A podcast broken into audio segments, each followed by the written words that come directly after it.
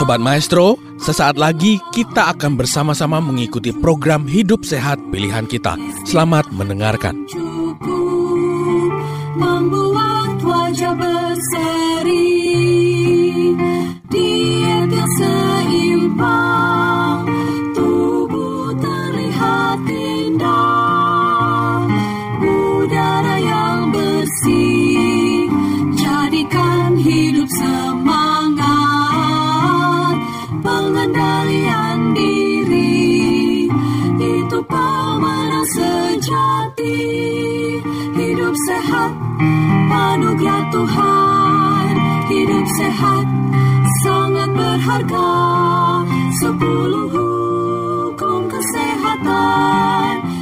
Salam sehat dan semangat pagi buat pemirsa di mana pun Anda berada.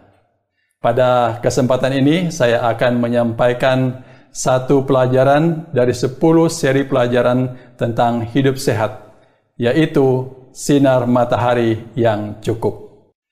Selanjutnya kita melihat bagaimana fungsi daripada matahari dalam hal dia akan menghasilkan vitamin D. Dan bagaimanakah mekanisme kerjanya? Matahari akan mengenai pada kulit kita, kemudian dia akan merubah pre-vitamin D itu menjadi vitamin D3. Kalau kita makan makanan tertentu yang mengandung vitamin D, itu ada dua jenis, yaitu vitamin D3 dan ada juga vitamin D2. Di mana vitamin D3 ini dan vitamin D2 ini akan masuk di dalam aliran darah dan di liver dia akan dirubah ya. Dirubah menjadi 25 hidroksi vitamin D. Dan inilah vitamin D yang terbanyak ada di dalam tubuh kita. Dan inilah yang diperiksa kalau kita mau memeriksakan kadar vitamin D. Vitamin D inilah yang kita periksa. Selanjutnya vitamin D ini akan masuk ke ginjal. Inilah yang dikenal dengan nama jalur pathway jalur klasik di mana ini yang kita ketahui manfaat daripada vitamin D, yaitu dia akan dirubah lagi menjadi 125 dihidroksi vitamin D. Di mana 125 dihidroksi vitamin D ini akan merangsang usus untuk menyerap lebih banyak fosfor dan kalsium. Begitu juga dia akan uh, menggerakkan untuk tulang supaya akan menghasilkan uh, kalsium. Dan semua ini, kalsium dan fosfor ini akan masuk dalam aliran darah, sehingga aliran darah cukup kalsium dan fosfor, dan selanjutnya ini akan digunakan untuk proses metabolisme, digunakan untuk tulang, dan kemudian digunakan untuk uh, fungsi daripada neuromuskuler.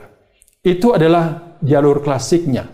Dan di samping itu, jalur ini akan membantu tubuh untuk supaya mengatur tekanan darah dan juga mengatur produksi daripada insulin sehingga akan mencegah terjadinya diabetes mellitus. Tapi ada juga jalur yang lain. Jalur yang lain di sini adalah jalur daripada kelenjar prostat, kemudian dari payudara, usus dan ini kolon, usus besar, kemudian paru-paru dan sistem imun di mana pada jalur ini dia juga akan menghasilkan 125 dihidroksi vitamin D yang mana 125 dihidroksi vitamin D ini akan berfungsi untuk mengatur pertumbuhan daripada sel. Sehingga pada organ-organ ini akan terjadi penurunan daripada resiko kanker bila mana orang itu sering berjemur di matahari. Selanjutnya, 125 dihidroksi vitamin D ini yang melalui jalur ini, dia akan mengatur fungsi imun. Mengatur supaya tidak terjadi diabetes tipe 1. Dan selanjutnya adalah untuk mengatur dalam hal autoimun daripada pasien. Selanjutnya kita lihat mengenai defisiensi vitamin D ini. Kalau seandainya kita uh, kurang terpapar di sinar matahari, misalnya oleh karena kita menggunakan sunscreen, ya, atau kita tinggal di tempat yang dingin atau berada di tempat yang penuh polusi, maka vitamin D itu akan kurang terbentuk. Begitu juga penggunaan obat-obat tertentu, ada gangguan liver atau ada gangguan ginjal, bahkan juga pada orang-orang yang obesitas. maka ini akan menyebabkan terjadinya defisiensi atau kekurangan vitamin D. Begitu juga kalau kita mempunyai gangguan daripada saluran pencernaan kita. Nah, apa yang terjadi kalau seandainya terjadi defisiensi vitamin D? Maka ada berbagai penyakit yang mudah terjadi. Pertama, mulai dari gangguan psikiatri. Terjadi gambarannya disebut dengan nama schizophrenia atau terjadi depresi. Kemudian terjadi infeksi, ya. Infeksi terutama saluran pernapasan bagian atas. Kemudian terjadi mudah terjadi infeksi saat sekarang ini dikenal infeksi COVID, kemudian infeksi sepsis dan tuberkulosis. Begitu juga gangguan di pankreas terjadi diabetes, gangguan di tulang-tulang terjadi apa yang disebut dengan nama rickettsia pada anak-anak terjadi uh, osteomalacia dan osteoporosis, jadi kropos daripada tulang. Terjadi juga gangguan di sendi, osteoartritis. Dan yang lain adalah bisa terjadi cancer. Cancer dalam hal ini mudah terjadi cancer breast atau payudara, cancer kolon, dan juga cancer prostat dan sebagainya. Mudah terjadi alergi, gangguan kulit, dermatitis, dan sebagainya. Inilah akibat kalau seandainya kita terjadi defisiensi vitamin D oleh karena tidak atau jarang berjemur di bawah matahari. Nah, sekarang kita melihat bagaimana fungsi matahari ini untuk kesehatan jantung kita. Menurut penelitian dari Michael Holick, dia menyatakan bahwa sinar ultraviolet A dan ultraviolet B ini bermanfaat bagi tubuh kita. Tapi ultraviolet A itu tidak mempunyai manfaat untuk menurunkan tekanan darah. Hanya ultraviolet B itu yang berfungsi untuk menurunkan akan tekanan darah. Begitu juga di kulit, ultraviolet A itu akan menghasilkan nitric oxide yang berfungsi untuk menjadikan pembuluh darah menjadi melebar, vasodilatasi dan ini akan menurunkan tekanan darah. Tetapi ultraviolet B ini dia menghasilkan karbon monoksida melalui pelepasan di hemoglobin yang juga menyebabkan vasodilatasi sehingga tidak terjadi tekanan darah tinggi, menjaga kesehatan jantung dan pembuluh darah. Begitu juga ada yang lain yaitu substansi P dan kalsitonin di mana kedua uh, saat ini berfungsi untuk membuat pembuluh darah menjadi vasodilatasi atau terjadi pelebaran daripada pembuluh darah. Nah, ini penelitian oleh Han van der Rijs.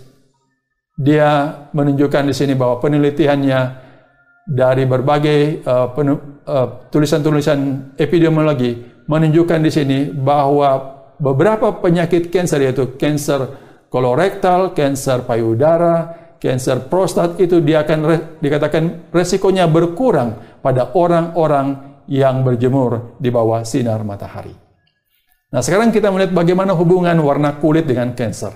Menurut uh, Fitzpatrick skala, dia membagi atas enam zona atau enam lapisan. Yaitu pertama adalah yang disebut dengan nama uh, tipe 1. Di sini adalah tipe pada orang-orang yang kulit putih, ya, atau mengarah ke pucat.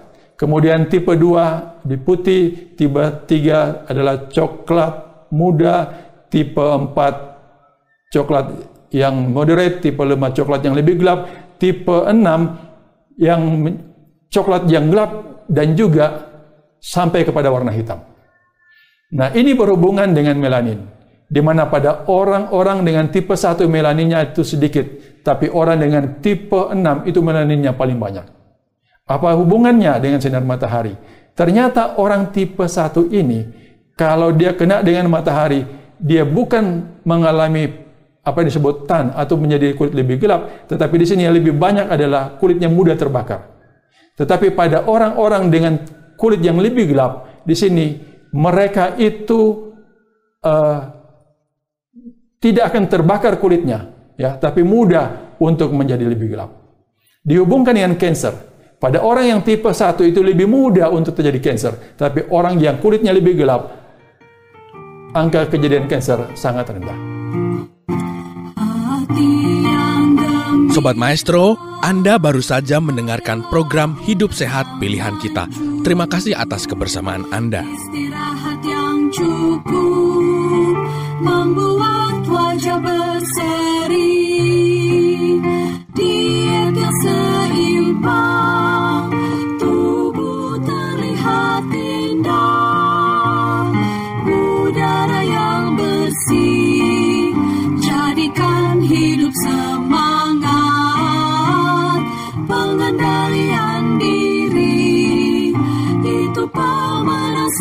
Sejati Hidup sehat Anugerah Tuhan.